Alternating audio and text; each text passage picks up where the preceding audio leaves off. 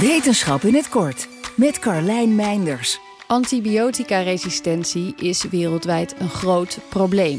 Daarom wordt er hard gewerkt aan het terugdringen van onnodig gebruik en het beter begrijpen van bacteriën, zodat we ze met nieuwe behandelingen te slim af kunnen zijn. In nieuw onderzoek is gekeken naar de trucjes van de methicilline-resistente Staphylococcus aureus. Deze bacterie, die ook bekend staat als de ziekenhuisbacterie, komt bij veel mensen voor en veroorzaakt in sommige gevallen huidinfecties en bloedstroominfecties.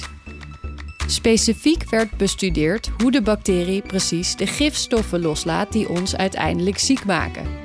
Ze vonden dat twee transporteiwitten hierbij een belangrijke rol spelen.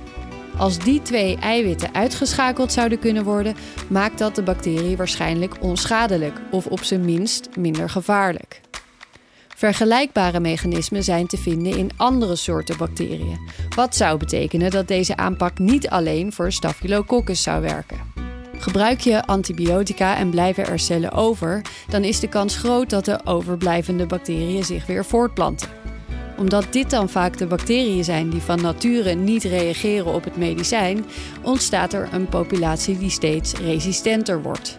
Deze nieuwe behandeling, waarbij de bacterie niet wordt gedood maar onschadelijk wordt gemaakt, zou volgens de onderzoekers niet als gevolg hebben dat de bacteriën zich selectief voortplanten.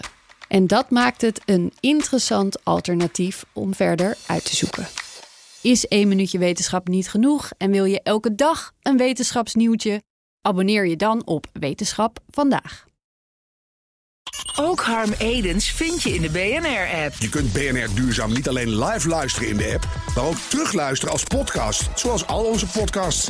En naast dat de BNR-app Breaking News meldt, houden we je ook op de hoogte van het laatste zakelijke nieuws. Download nu de gratis BNR-app en blijf scherp.